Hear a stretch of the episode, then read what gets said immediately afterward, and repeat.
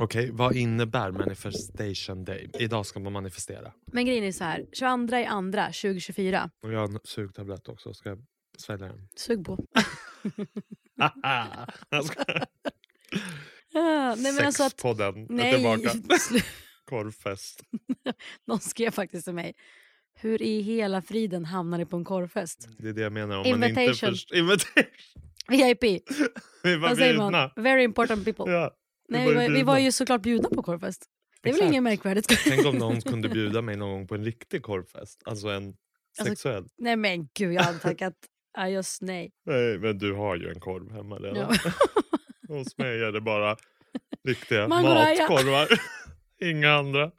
Men det är faktiskt folk som har liksom inflikat att mangoraya inte är så dumt till korv. Många. Din syster skrev... Många och många. Ja, Min mång- syster... Jag fick en. Mm, ja. Men Linn äter ju det med falukorv. Det var ju ja, det var över en gränsen. steget värre. Wienerkorv är ändå gourmet. Jo, jo. Gourmetkorv. Är det det? Alltså skulle du säga det? Ja men det är ändå bland de dyrare. det är så det är.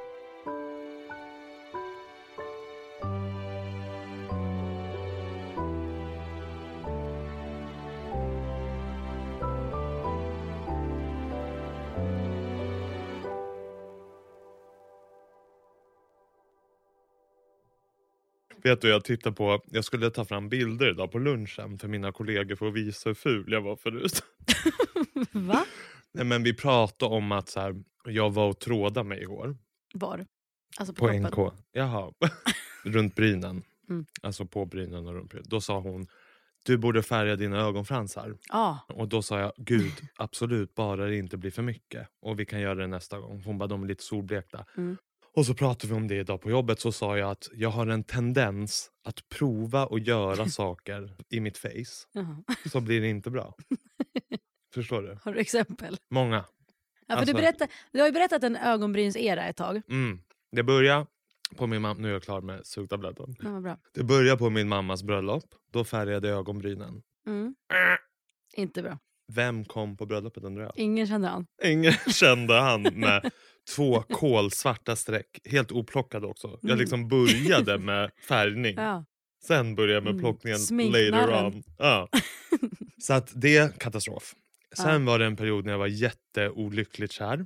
Och då fick jag också för mig att göra massor med grejer. Så att då först plockade jag ju, jag vet inte, jag trodde att ju mer jag plockade större chans kanske han- blir kär i mig. Mm. Så att det plockades Och katastrof. det blev smalt? Jättesmalt, fult. Och samtidigt också tänkte jag, ska jag inte färga håret blont? Ja, precis. Du har Men- ingen bild på det här?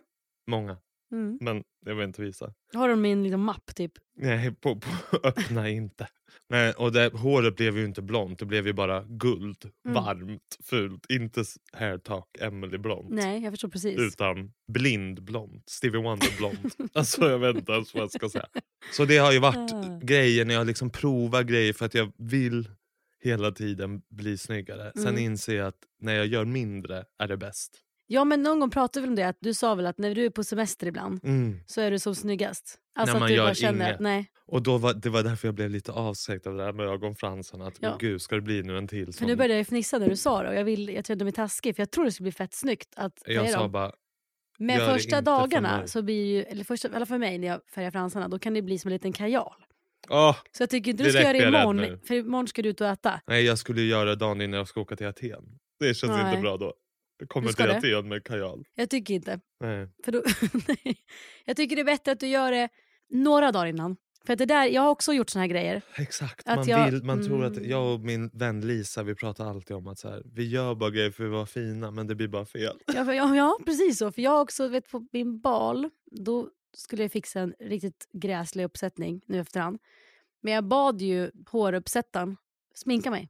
Också. Och det var också en fail i sig. Det blev inget bra. Har också testat i LA att färga håret, jag tänkte brunt, guldigt som Jessica Alba.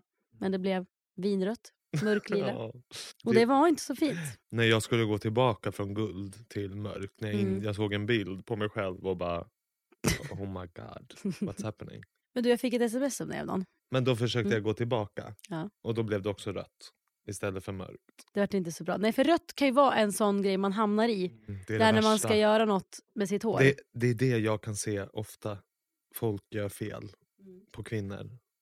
ingen judgment. Nej. Men när man kan se... Det blir för varmt. Men det är ju judgment. Att det är för varmt ja. Ja. Det är röda toner, man ser någon har liksom kört på lite hemma kanske. Jag förstår Eller? precis. Men grejen är Och så blir det lite rött uppe i hårbotten. det är ju snyggt och rött om man är röd. Ja, ja. i sig, Att vara vara pigment. ginger är ju assnyggt.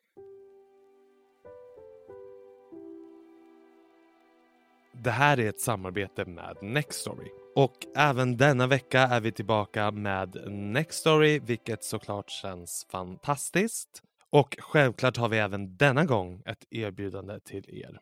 Som tidigare så får ni sex veckor gratis prenumeration på Nextory. Och detta gäller för nya användare och även för dig som har haft Nextory tidigare och vill prova på igen. För att ta del av erbjudandet så går ni in på www.nextory.se sannesebbe. Stämmer bra. Och jag vill denna vecka tipsa om deras tjänst att erbjuda läsning av magasin. Jag älskar ju att läsa tidningen. Alla typer av tidningar. Allt från Aftonbladet till veckomagasin till modemagasin. Det bästa jag vet är att köpa på mig massor med tidningar, lägga mig i sängen en lördag morgon och bara bläddra i timmar. Nu genom Nextory så kan jag ju göra det här mycket, mycket billigare och får då tillgång till alla olika typer av magasin. I helgen har jag läst nya numret av L med min idol och favoritartist Sara Larsson undercover. Så jag kunde i lugn och ro bläddra mig igenom hela nya L, vilket kändes eh, så mysigt och så lättillgängligt. Så det vill jag verkligen tipsa om denna vecka. Missa alltså inte att ni även får tillgång till flera hundratals olika magasin. Så lyxigt eller? Verkligen lyxigt. Jag är ju passande nog, eftersom vi pratar om just conscious parenting ganska mycket i podden idag, så är jag inne på det här föräldraspåret. Jag, läste, jag har ju precis lyssnat på Fem gånger mer kärlek som hade en massa bra tips. Och där i fick man ju följa olika berättelser med familjer och hur de har hanterat vissa olika situationer med sina barn så att man har fått liksom egen inspiration, vilket var grymt. Och nu så lyssnar jag på Medvetet föräldraskap och det är föräldracoachen Micke Gunnarsson som har eh, skrivit den. Och jag följer honom på Instagram sedan tidigare så jag visste vem det var och inspireras väldigt mycket av honom. Och den här ljudboken då jag lyssnar på handlar om att inte få dina barn att bli som du vill att de ska vara. Utan den handlar om att utveckla dig själv som förälder så att du kan möta barnen precis som de är. Och genom ett medvetet föräldraskap blir du mer lyhörd för ditt barns egentliga behov men också mer uppmärksam på dig och på dig själv och varför du gör som du gör. Och På så sätt så stärks och fördjupas din relation. Och eh, med inspirerande exempel och konkreta tips kastar han nytt ljus över de eviga föräldraskapsfrågorna om gränssättning, tillit, konflikthantering, prestation, relationsbygge och med mer. Och det är alltså inga pekpinnar utan bara inspiration. Så jag är svintaggad på att lyssna klart på den här. So far so good. På tal om barn så kan jag även tipsa om att Nextory även har populära magasin för barn. Mm. Såsom Kalle Anka, Min häst, bilar och så vidare. Så det kan man också läsa som en liten godnattsaga. Bra tips ändå, det ska jag göra. Ja, så det finns mycket att välja på hörni. Så missa alltså inte vårt erbjudande även denna vecka. Sex veckor gratis prenumeration genom att gå in på www.nextory.se sannesebbe. Tack Nextory! Tack.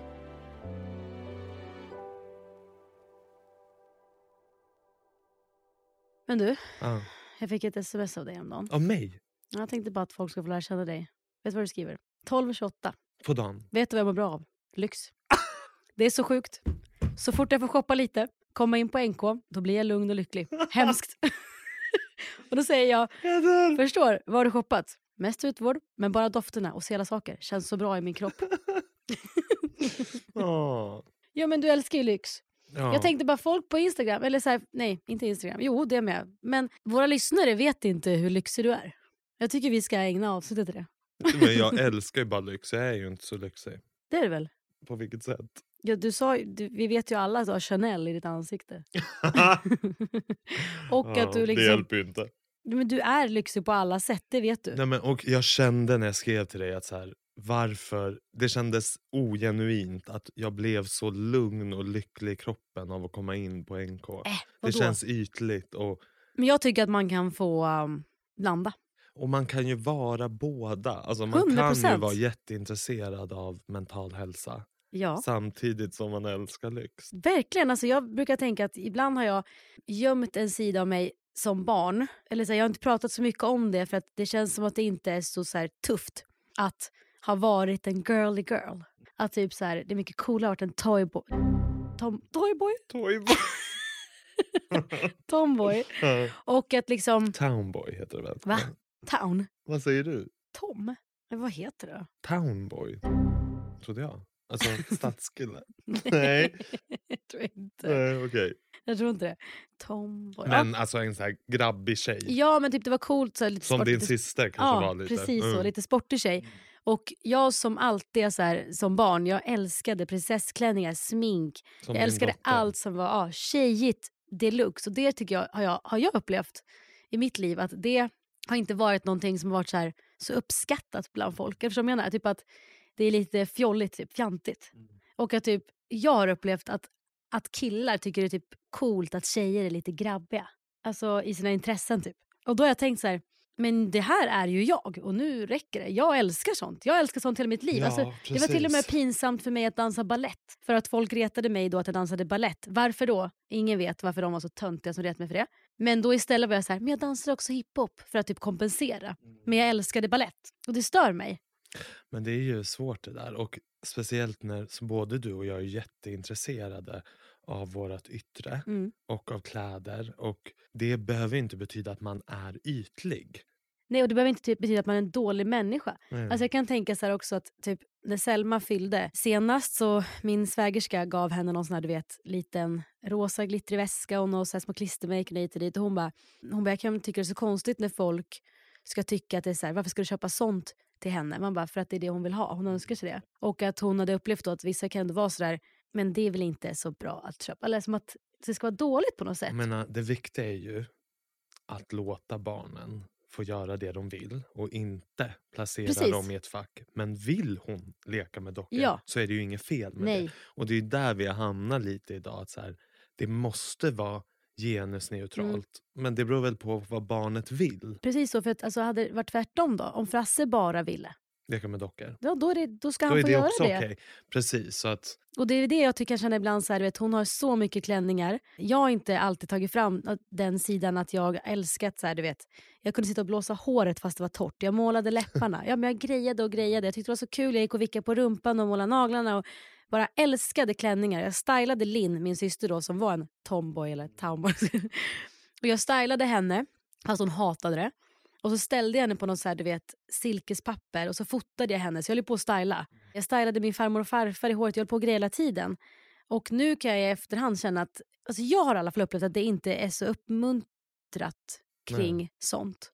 men på gymnasiet då? Kanske mer? Typ inte. Alltså jag upplever på mitt gymnasium var ju de som var Ja, girl kanske girls mer. var ju Kanske mer. the favorites. Kanske mer. Men Men för killarna vilken... var det ju också jättestarkt att de som sportade och var man-man Ja, var ju de populära. Idag upplever jag att det är mycket mer öppet. Ja, öppet ja. Det finns mer också att välja på och Ja, göra och och, vi, det är vara. inget konstigt om någon vill dansa och vara kille. Nej, vem bryr sig? Vi har ju kommit längre Ja, liksom. Förhoppningsvis, jag kan inte säga hur det är för alla. Förhoppningsvis, det känns som det, Jo, rent kulturellt. Och vad vi ser på tv, det är killar som kysser varandra, det Mm. är tjejer som är kära. Det är så otroligt vackra kärlekshistorier som berör folk av alla sexualiteter mm. idag som inte fanns på vår tid. Alltså när Nej. jag kollade på tv kanske fanns en person som var homosexuell som var jätte enligt liksom jättekarikatyr av en homosexuell. Och då kanske Väldigt- inte heller du kunde så känna någon identifiera dig eller så här, känna någon, vad Nej, säger man man? trodde att det bara fanns det, Det, ja. sättet att vara Mm. på. Så att man hittade ju inget hem. För man var inte så manlig som de straight men jag ville heller inte kunde inte identifiera mig så feminin som jag såg det på tv. Sen, idag upplever jag att ja, allt från så här Young Royals där prinsen är gay Mm. och är manlig. Och den är liksom. också helt, den är också verkligen internationell nu. Verkligen, alltså de är ju sjukt stora. Ja, ja.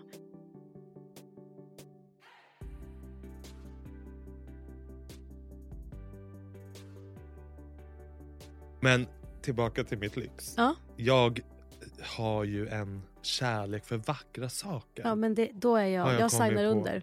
Alltså jag älskar vackra dofter, jag älskar vackra restauranger, jag älskar fina så kläder. miljöer och... Mm. Alltså, och så att det bottnar ju i något så kreativ ådra Mm. också. Att trivas i väldigt fina miljöer och i fina saker och vill att det ska vara fint runt omkring Mm. en. Det är inte nödvändigtvis lyx. dyrt. Liksom. Inte det, det ska bara vara. Men jag vet att bara som barn, så här, alltså att så här, titta på, jag var ofta i min egna värld, men att titta på så här, fina blommor och vara, som du säger, i vissa miljöer kände man så här, sig lite levande. Eller sitta och rita eller se folk i vissa olika klänningar. Alltså jag, det var det bästa jag visste. Bara också på, på tv om det var konståkning, då ville jag bara se alla kläder. Mm. Ja, gud, jag Ja. också. Jag tittade så- också på konståkning för hur vackra de var. Ja, Idag frågade min... Nej, igår när jag var på manikyr. Gud, jag gjorde så mycket. ja du var lyxade igår. Ja. Alltså, manlig manikyr. Jag färgar ju inte. Men det kan man också göra om man vill. Mm. Hör du vad konstigt att man försvarar sig direkt. Jag har ingen färg på naglarna. Nej, Det spelar väl ingen roll. Du ville bara berätta att du var där och fräschade till dig. Först till mig. Då sa hon, har du varit med någon tjej? Hon var väldigt öppen, den här personen. Mm. Underbar kvinna. Hon hade Mm. så varm energi direkt. Ja, hon ville bara snacka. Ja, Liksom. hon pratade och så sa hon så här, jag tror att du är alldeles för kärleksfull. Du är så direkt med din kärlek så du skrämmer iväg folk. Då kände jag yes, that's true. Och hon bara, jag var också så, jag fick bara sex. Jag bara yes, that's true. Korrekt. Så att vi bara connectade. Mm. Sjukt ändå när man inte har träffats förut och Ja. man hittar varandra så djupt. För det gör Mm. man ju bara med vissa. Det är ju inte alltid. Direkt. Bara Nej, inte med alla. Mm. kopplade in direkt i varann. Och gav mig massor med fina komplimanger och jag hade en jättedålig dag så att hela min energi bara skiftade.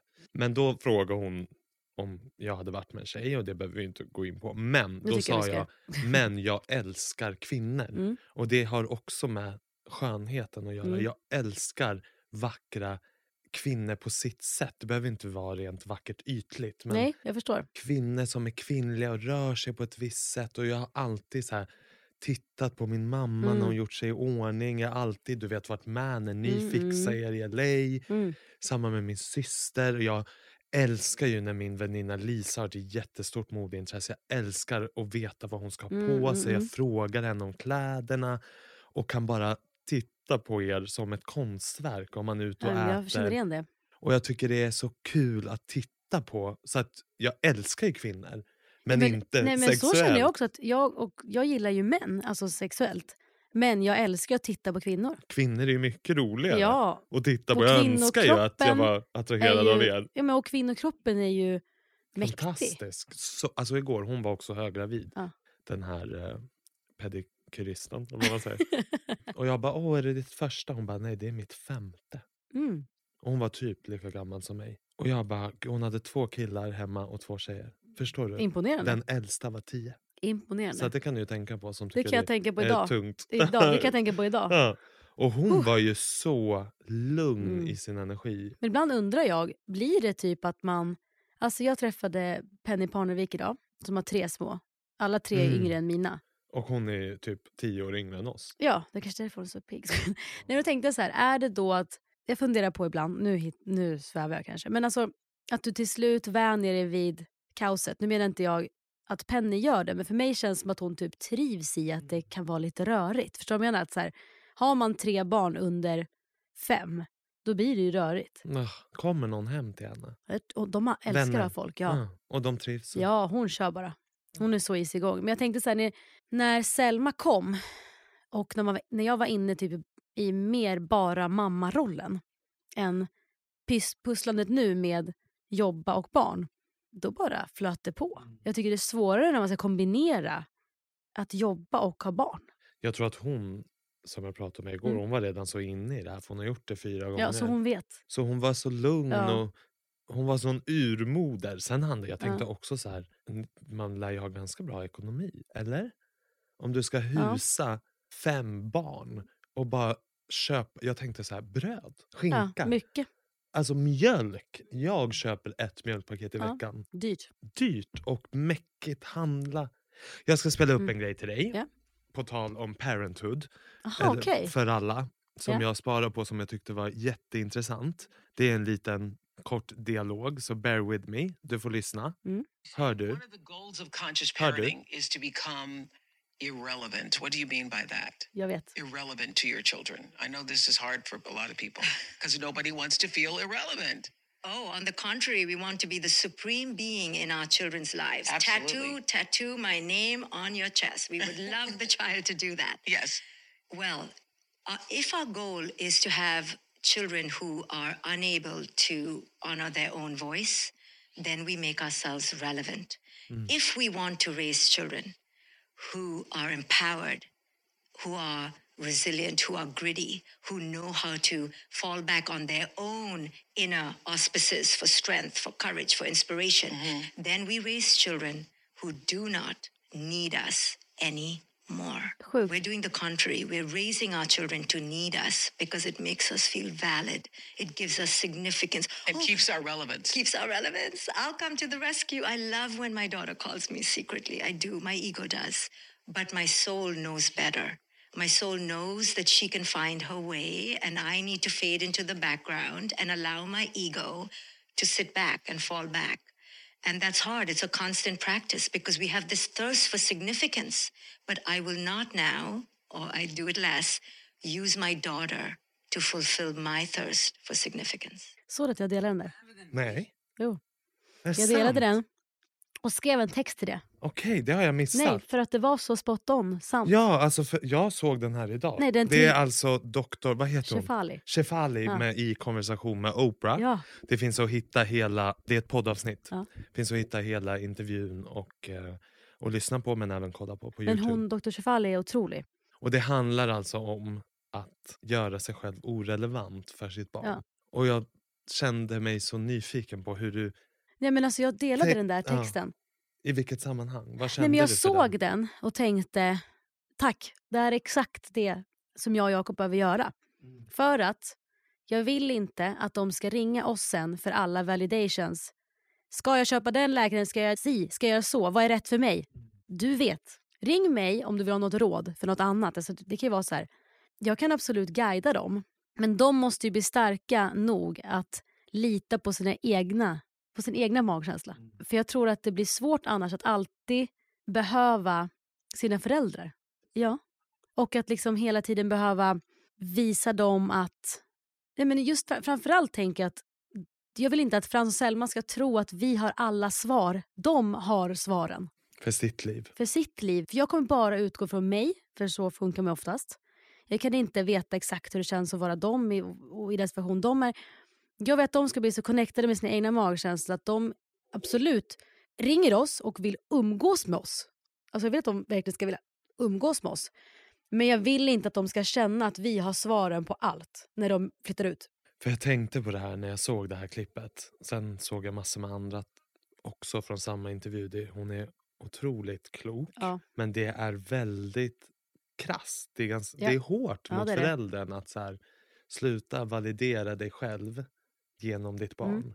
Och det var väldigt mycket så att det man inte fick själv ville man få ut från sitt barn. Sitt barn skulle åstadkomma det så att man själv kunde läka istället för Exakt. att ta upp sin egen healing. Och också typ att om man har haft föräldrar kanske varit väldigt kontrollerande eller så här, som alltid har vad ska man säga, styrt den och varit så här, det här är rätt, det här är fel och verkligen försökt visa vägen på ett hårt sätt och kanske stängt av ens egna känslor lite. Att så här, jag måste bara göra som mina föräldrar säger. Det är det rätta. Många av de föräldrarna, när de gör så mot sitt barn så har de själva upplevt samma. Så de vill få ut makten någonstans. För att de själva har blivit vad ska man säga, Kontrollerade. Ja, och liksom avstängda Mm. genom det. Att så här, nu vill jag bestämma. Ja, Magkänslan är liksom borttagen. precis, och också så här, det sägs ju i alla fall inom den här con- conscious parenting, att, Medveten föräldraskap. ja exakt, att om man också är en sån som blir sjukt triggad av en tvååring, din egna tvååring, att det kanske är egna triggers som du behöver ta itu med. Var det så att du inte kände dig hörd som barn, orkar du inte höra det här för att det triggar igång något, förstår du? Det är precis det hon säger Precis, också för att i ett annat klipp. Ja, för att man då egentligen ska kunna som förälder förstå att det här är mitt barn som inte har en utvecklad hjärna. Det, ska, behöver inte, för det triggar ju ändå olika föräldrar olika saker. Såklart. Vad jag menar? Vi är ju ändå alla olika, alla föräldrar är ju olika. Förmodligen beroende på vad vi bär på och hur vi blivit uppfostrade själva. Men jag tycker att det, conscious parenting är så intressant. Alltså jag kan sitta och, och drömma mig bort och bara läsa, läsa, läsa. Jag tycker det är så coolt. Ja, och jag, det, jag tog till mig det också. och Jag kan inte säga att jag kände jätte... Alltså jag kan inte säga så här, Åh, det här upplevde jag från min mamma. Nej. Jag tycker bara att det var ett intressant koncept som jag tror att många relationer barn-förälder lider av. Mm. Det här att föräldern har gjort sig så otroligt relevant Ja. i barnets Mm. liv. Och såklart att jag menar, min förälder är också jätterelevant för mig. Jag tänker ju nästan på varenda beslut Mm. jag tar Mm. kring vad hon tycker, tänker och framför allt kommer hon bli stolt över mig. Och så fort jag pratar om det blir jag jätteberörd. Så det är såklart att någonstans är ju jag också drabb, kanske tagen av det här det, klippet. det är vi säkert alla på något sätt. Alla på något sätt mer eller mindre Ja. såklart. Och jag lever ju jättemycket också för att hon ska vara nöjd över Mm, mig. mm. Och sen om det är rätt eller fel, det kan inte jag Nej, men jag svara tror inte att det är på. ovanligt direkt. Liksom. Men jag tror inte det är ovanligt och jag tycker att det var så intressant också utifrån andra relationer i våra Mm. liv. Att så här, behöver vi alltid vara så relevanta? Eller kan vi bara finnas? ja, Förstår så. du skillnaden? Jag vet här, precis vad du menar. speciellt när man blir äldre, att jag kan bli, få lite stress när folk är för relevanta i mitt Mm, liv. Jag förstår. Det är svårt att förklara Mm. men Ja men det kan väl också bli så här. Alltså jag har haft ett mönster när jag var yngre av att alltid vilja hjälpa folk. Mm. Men då släpper jag väl kanske hjälpa mig själv då. Ta itu med mitt eget. Men att alltid liksom hjälpa på ett sätt som är så här. Vill den här personen ens ha den hjälpen? Mm. Och nu försöker jag med kompisar att så här, jag vill vara förstående och jag lyssnar och jag finns där. Jag behöver inte lägga hela min själ på att försöka hjälpa någon för det är inte så det Nej. funkar. mm. Och det lärde jag mig mycket från min syster. Så jag, det känns som att en viss del, det här med barnen har fått gå igenom med Linn. Eftersom att Linn är min fyra och ett halvt åriga lilla syster. Så ett tag i vår relation då funkar det så att jag hade rätt och hon fel. Vilket är så hemskt. Det var typ som att jag är äldst. Så vi trodde båda att äldst visste bäst. Och du kanske har gjort dig för relevant i hennes liv. 100 procent. Som skadat relationen till 100 viss nivå. Och därför kom det en dag där jag insåg att, också när jag gick och pratade med en person som bara, men du måste släppa henne och det, liksom, om hon då faller platt ner i ett mörkt hål, det är det enda sättet hon kommer bygga styrka själv. Och då fick jag göra det. Och då plötsligt blomstrade hon, när jag inte var så relevant. Så jag försöker typ också nu med henne så här, Fint. Ja det är ju väldigt fint. Jag brukar tänka typ nu med barnen att, för jag vet att jag fick förstå då att jag var så här, det här kommer bli samma utmaning med barnen så jag kommer inte kunna göra så här som jag gjorde med henne. För någonstans trodde väl jag som barn att jag behövde, inte vet jag, jag var fyra och ett halvt år äldre så jag ska skydda henne och jag är störst. Och, eh, jag ser på Frans och Selma. Alltså, det är så, jag, jag förstår Linn på ett helt annat sätt för Selmas största trygghet är Frans. Så jag förstår. Och Frans tycker att han är äldst, att han vet bäst. Så jag ser ju hur det blir så här. Men någon gång när man blir vuxen så måste man ju ändå, så här, det är samma tror jag med kompisar, man, kan, man behöver släppa. Och det tror jag med barnen en dag. så här. Vi får hoppas att vi har gjort ett bra jobb vi kan hemifrån och att de har en liten verktygslåda båda två. Där de vet hur de ska hantera situationer. Det kommer de inte veta jämt, obviously. De kommer, men också kanske låta dem göra fel. För det var, det var mitt största problem med Linn. Att jag hade svårt att se henne göra sånt som jag redan hade gjort. Istället för att bara låta henne. Men alla fel leder ju oss till alla rätt. Och precis. Så man måste ju få göra sina Och egen egna resa. fel. Men jag kunde, jag var, vet, det är väl det också många föräldrar. Många föräldrar blir överbeskyddande, Exakt. kontrollerande. Och För man är så rädd om dem. och det är det det bottnar i tror jag, det här att vara för relevant. Att man är så protective. Ja. Det kommer ju väldigt sällan från någon illa uppsåt. Mm. Det är bara för att man vill hjälpa, betrygga, skydda. Mm. Och då blir det ju att du kan sen inte stå på egna ben och då blir ju allt mycket jobbigare. Mm, precis. Men jag tror att eh, alltså i, jag, i och med att jag flyttade så tidigt hemifrån så behövde jag göra mig själv vad ska man säga, relevant tidigt. Och det tror jag har gjort att jag, det var någon som frågade mig, det var faktiskt Vanessa Lindblad tror jag var, något sånt där. Det var någon som frågade mig i alla fall hur jag eh, ofta typ li, litar på min magkänsla eller intuition eller jag kan liksom ha ett visst mindset i vissa situationer. Jag tror att jag behövde Alltså, när jag flyttade till Västerås var jag 16, så flyttade jag till LA när jag var 18. Då hade man ju bara Skype. Då var det bara att lösa Exakt. skiten själv. Men grejen är också, jag vet inte, det här kanske också är, jag vet inte hur det har blivit, blivit så, men jag har ju aldrig varit, det vet inte om det är bra eller dåligt, det är nog för och nackdelar med allt. Men mamma sa till mig nyligen bara, du har ju aldrig ringt och varit ledsen. Du har aldrig ringt och bett om hjälp. Linn kan ju ringa och vara... Alltså det är Mm, det någonting. gör jag också. Jag har inte ringt någon av mina. Jag har alltid löst det själv. På gott och ont kanske. Jag vet ja, inte. är det. Jag vet inte. Jag tänker att eh, det som har varit bra med det är att jag har ju hittat styrkan själv. Jag är inte förlitar mig på det de tycker och säger. Men sen så tycker jag som barn ska man ändå kunna ringa bara och be om tröst. Men jag har ju svårt att göra det till alla, det vet du också. Så är det ju. Och jag har ju blivit sämre på det kanske med åren. För att man tycker att det får det räcka, man får klara sig. Mm. Just när det kommer till trösten. Sen är jag ganska bra på att be om hjälp med annat. Inreda balkonger och planta blommor. Jag är ganska bra på... blommor. Och, Jag ber om hjälp att flytta en gång, i år, en gång per år. En gång Hej per år, ja. allihopa, kan ni komma? kan det komma? Men du såg att jag la upp en text idag som jag också tyckte var väldigt fin. Jag la upp den här i morse. I like to imagine that someday my daughter will come home from a long day of work and she might have some big feelings. I picture her getting herself a glass of cold water, sitting at the table and crying to someone she loves about how she feels.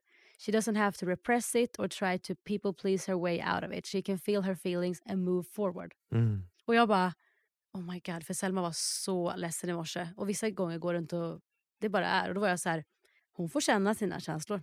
Ut med dem. För till slut går det över. Jag, vill säga, jag tröstar dig, men du får gråta hur länge du vill. Och jättemycket det här conscious parenting. Av det jag har sett pratar hon ju om det här att vikten av att hila oss själva. Och läka Your alla, inner child. ja, Mm. och läka alla trauman. Och jag tycker att så här, vad vi och de flesta andra som intresserar sig för det här ämnet, vad man än pratar om, så bottnar det alltid i att läka sina trauman. Allt ifrån uppfostran till egen kärlek till men att finna lycka, bli av med ångest. Mm. Allting handlar ju om så här, till slut har du jobbat med det som är, gör en storm Mm. inne i Mm. dig.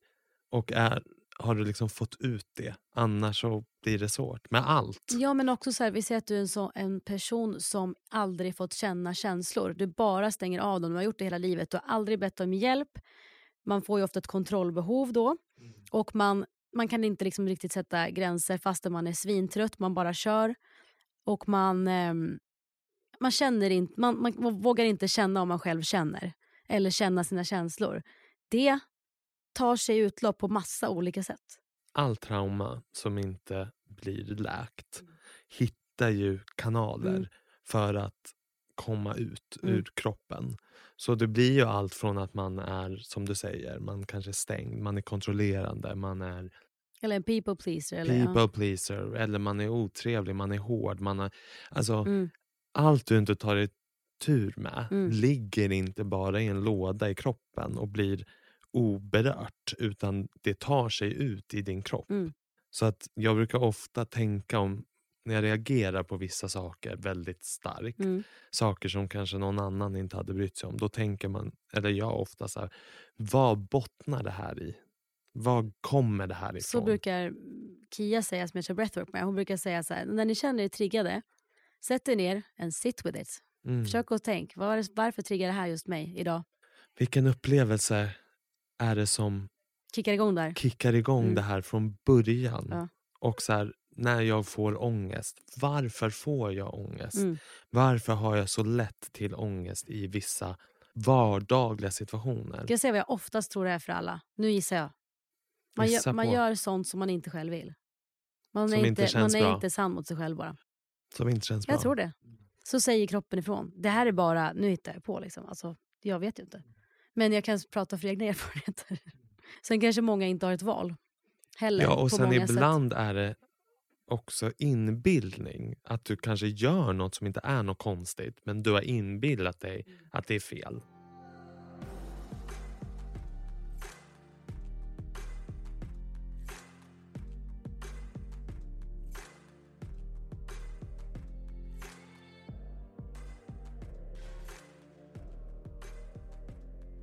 Men du, jag fick en sån övning av en person nyligen. Där kan alla ni testa som vill. Det är att på ett papper ska du skriva ner alla, alla dina sidor som du tänker om dig själv som är negativa. Så vi säger då att jag skriver så här, otillräcklig, säger vi. Jag är... Eh, jag, också skriva ner hur man tror att folk uppfattar en. Så vi säger att jag skriver då bara, jag, tycker att folk uppfatt, jag tror att folk uppfattar mig som... Eh, Hovnarr. Ja, exakt. Ja, men vi säger pratar för mycket, slarvig, jag vet inte. Eller jag själv går och tänker på mig själv. Om man börjar pay attention till vad man tänker om sig själv om dagarna. Om jag då plötsligt bara, men vänta, det där mötet, gick det bra? Aha, okej, då börjar jag tänka att jag inte är tillräcklig. Aha. Sen kanske jag funderar över, Nu kommer alla de här tusen exemplen. ja som vanligt, nu kommer 20 stycken. Ja, men ska- det ska man skriva Skriv ner. ner alla de sidor som du tänker om dig själv som är negativa. Försök att, att fundera över det på dagtid. Hur, det kom, hur det, mycket det kommer upp som är negativt mot dig. Och sen då skriva ner allt, titta på det och bara, är det ens sant? Nej. Men sen framförallt, hur mycket av min hjärnkapacitet, hur, hur stor procent tar de här negativa tankarna, hur stor procent tar, tar de liksom dagligen av dig? Och då kan det vara typ, för jag, den här dagen när jag gjorde den här övningen, då hade jag tänkt på morgonen så här, "Ah, skulle jag kanske väntat och gjort Hair Talk Emily-grejen till nu? Var det bra? Okej, då börjar jag alltså tänka att jag inte har varit tillräcklig. Mm. Okej, jag duger inte. Då börjar det ju. Om du, då, om du då på en hel dag ser över hur många sådana tankar du tänker om dig själv. Det är ganska mycket energi som går åt av falska bilder av dig själv. Och ens liv. Ja. 100 procent. Väldigt många. Och tänk om man hade lagt den tiden på något annat. Mm. Positiva Men också då att tankar. man istället när man kommer på sig själv. Eh, typ idag hade ett sånt, jag skulle eh, podda och så tänkte jag på ett annat poddavsnitt jag haft för en grej jag ska göra och så tänkte jag, hur blev det sist? Då fick jag tänka så här, det är gjort och du är tillräcklig. Istället för att gå in där och börja hitta Bra, på saker. Gud, jag blev typ lättad bara du men typ bara, det. tänk om jag ska gå in, börja gå in där. Nej, var det till? Eller idag när jag lämnar Selma hemma. Jag behövde jobba. Vi behöver inte vara två föräldrar som vabbar. Jag har vabbat hela veckan. Jag lämnar huset, Jakob är där, jag har svindåligt samvete. Då börjar jag med en stund. Är jag en dålig mamma? Var jag dum? Var det rätt? Dut, dut, dut, dut. Förstår du hur mycket energi det tar? Alltså, och då fick jag tänka, det är helt fine. Alltså, förstår du? Inse att de, de här negativa tankarna kommer inte gynna mig och de finns, det är inte sant. Det du tänker är inte sant. Men alltså jag måste säga att det där, den där liksom matchen mellan Mm. att gott och ont. Det är ongoing, konstant i mitt huvud. Det märks Gjorde jag inte rätt? på dig. Gjorde jag inte rätt? Är jag tillräcklig son? Är jag, inte, är jag bra vän? Mm, mm, mm. Är jag en dålig poddare? Ja. Är jag dålig på mitt jobb? Nej, jag är bra. Alltså Mm. för att jag försöker ju svara Mm. och försöker ju säga att man är tillräcklig men det är ju en daglig struggle på ett sätt. Vill du veta vad som är mer intressant med det här? När du säger det här? När jag hör dig berätta. Det är att för de, den personen jag pratat med nu som jag har skrivit ner här hos. Hon påstår att någonstans i mitt liv har jag fått för mig att det är något fel på mig. Så hon säger, varför tror du att det är något fel på dig? Då sa hon, och det här tar sig ut i olika former. Så ett tag som ung, då var jag svartsjuk. Varför då? Jo, för att tänk om det finns någon bättre. Sen tog det sig ut i nästa form, för jag har ju pratat med henne förut. Då var det att jag ofta i USA, om jag hade varit på middagar med laget, så här, då var jag så här, gillade de mig? Med Så- Jakobsson. Så tänker jag inte längre. Ja. Men det gjorde jag då. Och ett tag, då kunde jag tänka efter middag, när jag sa så, vart det fel eller vart den arg? Eller det, så här, det har jag kunnat sluta med. Men, men det här tar sig i olika former. Och min sista punkt som hände, det var ju nu i våras. Jag trodde att jag var sjuk jämt. Jaha, det är något fel på mig igen. Så, nu håller jag på att programmera om min hjärna ordentligt i att det är inget fel på mig. För att det kan ju vara som barn att du någon gång har upplevt att jag är inte som de där önskar. Eller fattar du? Det kanske kan vara så här att man kanske bara, vi hittar på nu så här. Jag, eh, jag älskade också uppträda när jag var liten. Men jag gillade inte när folk klappade. Jag gillade bara att sjunga och dansa men ingen fick klappa händerna. Nej. Vad skulle de göra? Weird. Bara titta. Nej, men det är ju svinkonstigt. Mm, Och jag förstår ju mina föräldrar att det vart ju weird för dem. Jag bara, Ja. ingen respons. Nej, och det är ingen situation som har hänt där, jag, där någon har sagt till mig eller påstått att det är fel på mig. Utan min gissning är att jag har upplevt då någon gång, för jag börjar fundera över det här. Att vi säger att jag då, att min pappa var så här, men Sanne vill inte du sjunga och dansa? Och så var jag så här, nej jag har typ varit rädd, jag vill inte och jag vill inte att ni ska klappa. Då kanske jag fick för mig att folk tyckte att jag var weird. För att jag inte ville. Fattar du vad jag menar? Men förstår du? Att så här, Mm. Du blev Ja, men kontraproduktiv. så varför vill liksom. du inte det? Men så någonstans, det här är mina e- egna slutsatser, men det, kan, det behöver inte vara en sån situation, men det kan vara en sån liten situation någonstans där det har varit en situation där du har fått för dig att det är något med dig. Att du inte liksom Förstår du? Ja men det tycker jag nog fortfarande. Jag, kan, jag har ju så svårt att bottna Jag i att vara gay. Och det tror jag kände ända sedan jag var liten. Det är något fel. Okej. Varför vill jag leka med Barbie Mm, och mm, killarna vill mm. spela fotboll? Okej, jag fattar. Men man var, alltså, att inte vara som normen. Så det sitter väl säkert kvar. Och så ifrågasätter man sig själv hela Precis. tiden. Och det är det där mönstret nu. Nu är det bara att börja jobba. Och idag ska har jag liksom inga problem med, sin, med min sexualitet. Jag är väldigt... Men det ligger kvar i Men minnet. det ligger nog kvar, det traumat Ja. av att vara liten och inte hitta tillbehörighet i någon grupp Mm. i, liksom, ja, men i samhället. Men det kan bara vara en sån grej att någon har sagt till en så här, du är, du är så känslig. Eller förstår du? Eller, Du är si eller så. Jag är för- jävla bög. ja, det är ju. Alltså, ja. och sen tror jag också det här, även om jag har haft fantastiska tjejkompisar och haft alltid vänner, aldrig känt liksom, den typen av utanförskap så har man ju alltid känt sig annorlunda. För jag var ju inte tjej. Nej. Och jag var ju inte med killarna, jag var Nej. alltid den enda killen som var med tjejerna. Alltså, så det blir ju ändå en saknad av tillbehörighet fast man hade ett kontext. Mm. Så att, ja. Ja, för om man tror att något, om man, om man har ett sår i kroppen någonstans som man inte ens vet om att man har, av att man på något sätt tror att det är något fel på en, då kommer man ju ha tankar om sig själv där man faktiskt inte är tillräcklig. Var jag nog? Är jag accepterad? Är jag omtyckt? Du vet, alla de här.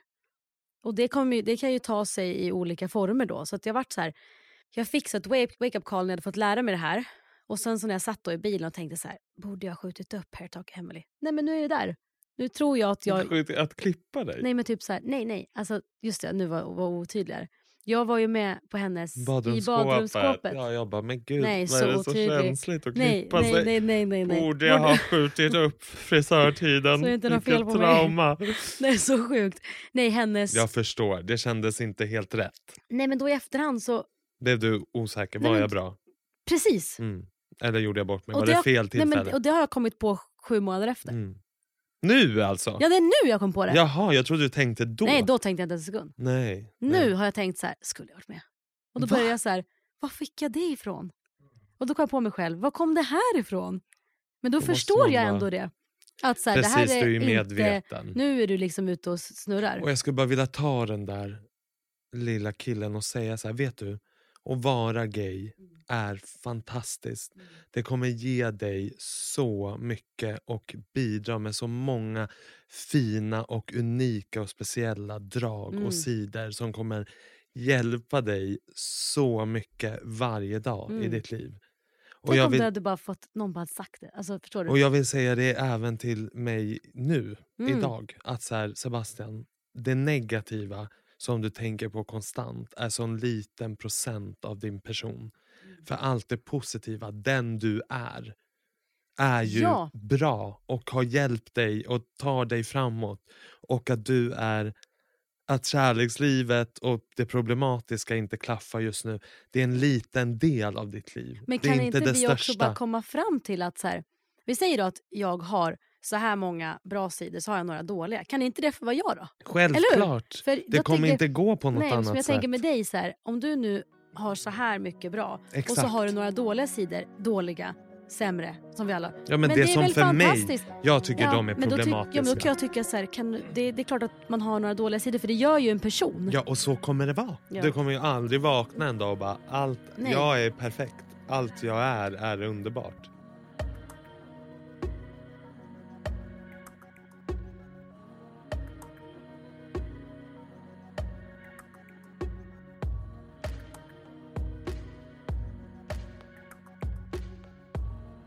Men jag läste en annan grej som jag ville säga till dig. Som jag tänker på dig när det kommer till kärlek. För att jag vet att du har tänkt så här många gånger i ditt liv tidigare. Men, och då har liksom det... Mm, du ska förstå. Så här. Du ska förstå. Du kommer förstå. If you have longing, eh, it's because it's waiting for you. Och då menar jag så här, när du till exempel från Uppsala, du bara, jag ska vidare. Då visste du att det väntar något för dig. Eller fattar du? Eller så skulle du sticka till LA, du ska skaffa nytt jobb, du ringde mig från London, du vet när något väntar på dig. Då tänker jag, du vet ju att något väntar på dig innerst inne. Eller det är nog så. Men du ska bara, jag tror du måste, du måste bara komma att bli vän med det. Ja, jag tror också det. Att liksom, det finns där. Ja, Det, det är meningen. Den här Precis så. resan jag är på är meningen. Och jag förstår inte varför jag är så införstådd med allt annat kring min person. Att så här, vart jag bor, mitt jobb, hur mitt liv ter sig är jag så tålamodig inför för att jag tänker att det här är meningen, det ska vara så här. Den här longingen som Ja. du pratar med. Men jag måste börja se det också Ja. i kärlekslivet. och Att börja se den, lita lätt på att säga, stegen. Så. ja, och börja se den mer som något positivt. För det pratade vi om, du sa ju att du har haft negativa upplevelser och därför så för dig så känns det negativt kopplat. Vilket det makes sense. Jag menar, alltså det är så här posttraumatiskt också, att man har varit med om något så ligger det ju kvar där. Så börjar direkt kroppen känna. Alltså, men jag tänker att om du, det är ju fett svårt, men alltså ju mer du kommer börja så här, det är, det kommer komma, det finns där. Och se det mer som något ljust, fint. Men är inte du och jag drivna av longing? Jo, Visst? Det det är här, därför den här hur tilltalar säger mig. man på svenska? Alltså, väntan? Typ. ja, Eller här, inte väntan, Om men du har väntat, eller längtat, nu översätter du. om du har längtat så är det för att du vet att det väntar på dig. Mm. Och då tänkte jag så här, Och jag vaknar varje dag och längtar efter saker. som Alltså, du vet ska ske. Ja, Ja, som jag längtar att ja, men när jag har kommit så pass långt i Mm. arbetslivet eller när jag är där. Eller, och man drivs hela tiden av en längtan. Ja. Och när jag tänker tillbaka på stegen man tar då, Då är det ju för att längtat. man har längtat Ja. till andra Ja. upplevelser.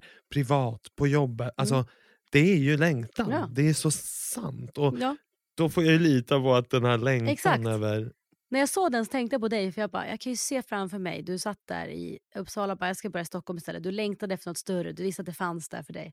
Och så längtar du till nästa ställe som du ska göra här, du längtar till det jobbet, du längtar till din lägenhet för att du har vetat om att det finns. Och någonstans den största längtan som driver mig, oj, Oj, som driver mig. ursäkta, Som driver mig. är ju att må bra. Ja. Alltså det är den största drivkraften. Att hela tiden, hur kan jag må bättre? Vad kan jag göra för mig själv Ja. För att må bättre? Hur kan jag röra på mig för att må bättre? När jag började med den längtan Mm. för säg 8-7 år sedan, då tar man sig fram.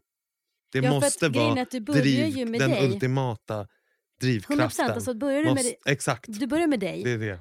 och när du då hamnar på en viss plats, antar jag då, där du känner dig mer tillfredsställd, då Mm. kanske man söker andra, Ja men nu är man man ju, andra val. Ja och nu är jag ju på en väldigt accepterad accepterad nivå Mm. av välmående. Ja. Alltså utifrån mina egna Mm. mått. Och Verkligen. nu kan man bara längta till att förhöja livet ännu mer. Medan resan hit var ju bara från minus. Att må dåligt, längta, må lite bättre, lite, Mm, till att mm, mm. komma till nivån idag där det är så här, ja men man vaknar och livet är livet. Det Ja. känns bra. Det man är nöjd. Tillfredsställd. Sen Mm. Man har slängar av olika Jo, såklart. demoner. Mm. Men Särskilt på overall, ja, men overall Mm. så är det bra. Och att vara bara där, när jag tänker på det jämfört med vad jag har varit, Mm. så inser jag ju hur tacksam jag måste vara. Att så här, Ja. Vilken längtan jag hade Efter back det här. then, efter, det här måendet idag i Mm. stolen Ja. med dig Ja. just nu. Att kunna må så här och vara här Och var så lätt. och ändå. lätt i stegen. Ja.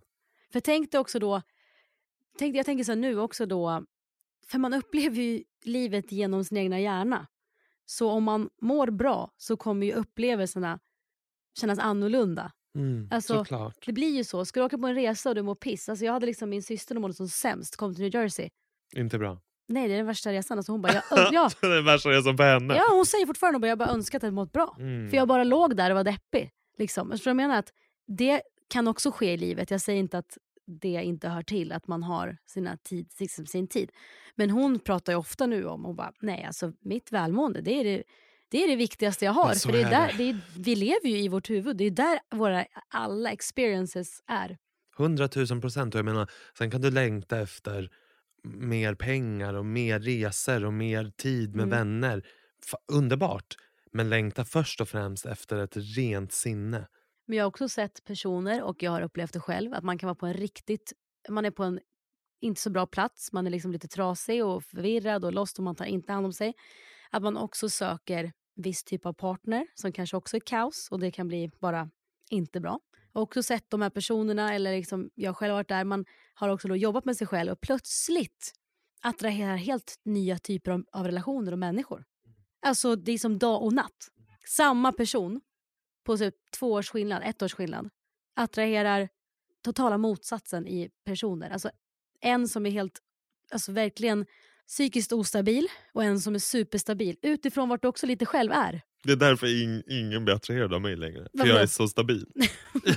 bara attraherat ostabila. Så nu Jaha, när det det blev det. bra så bara blank papper, Nej, då- ingen, då måste- ingen kommer. Om du, är, när du känner dig så stabil, då är det väl då att de här jättefina killarna, de kanske inte står också alltid på Spybar klockan fem. Nej precis. Så tror exakt att så det är det. det. Ja, jag är ju kvar i miljön.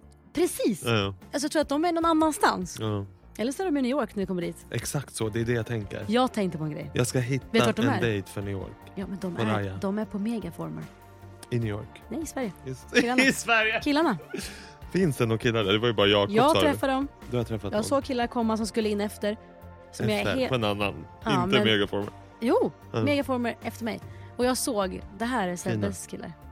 Okej, jag får följa med nästa Och då tänkte jag, let's go. Let's go. För jag tror att det är där, där kommer det ske. På megaformer. Då så. Nej men jag tror liksom, det är samma, jag har andra killkompisar också och tjejkompisar. Jag tror inte, det är inte alltid man träffar de här sin soulmate. Man kan göra det men det är inte alltid 0500. Jag tror inte. Någon Väldigt gång, sällan. men inte alltid. Ja, om det är någon som har gjort det så hör av er. Mm, Så vet vi. exakt så, hör av er.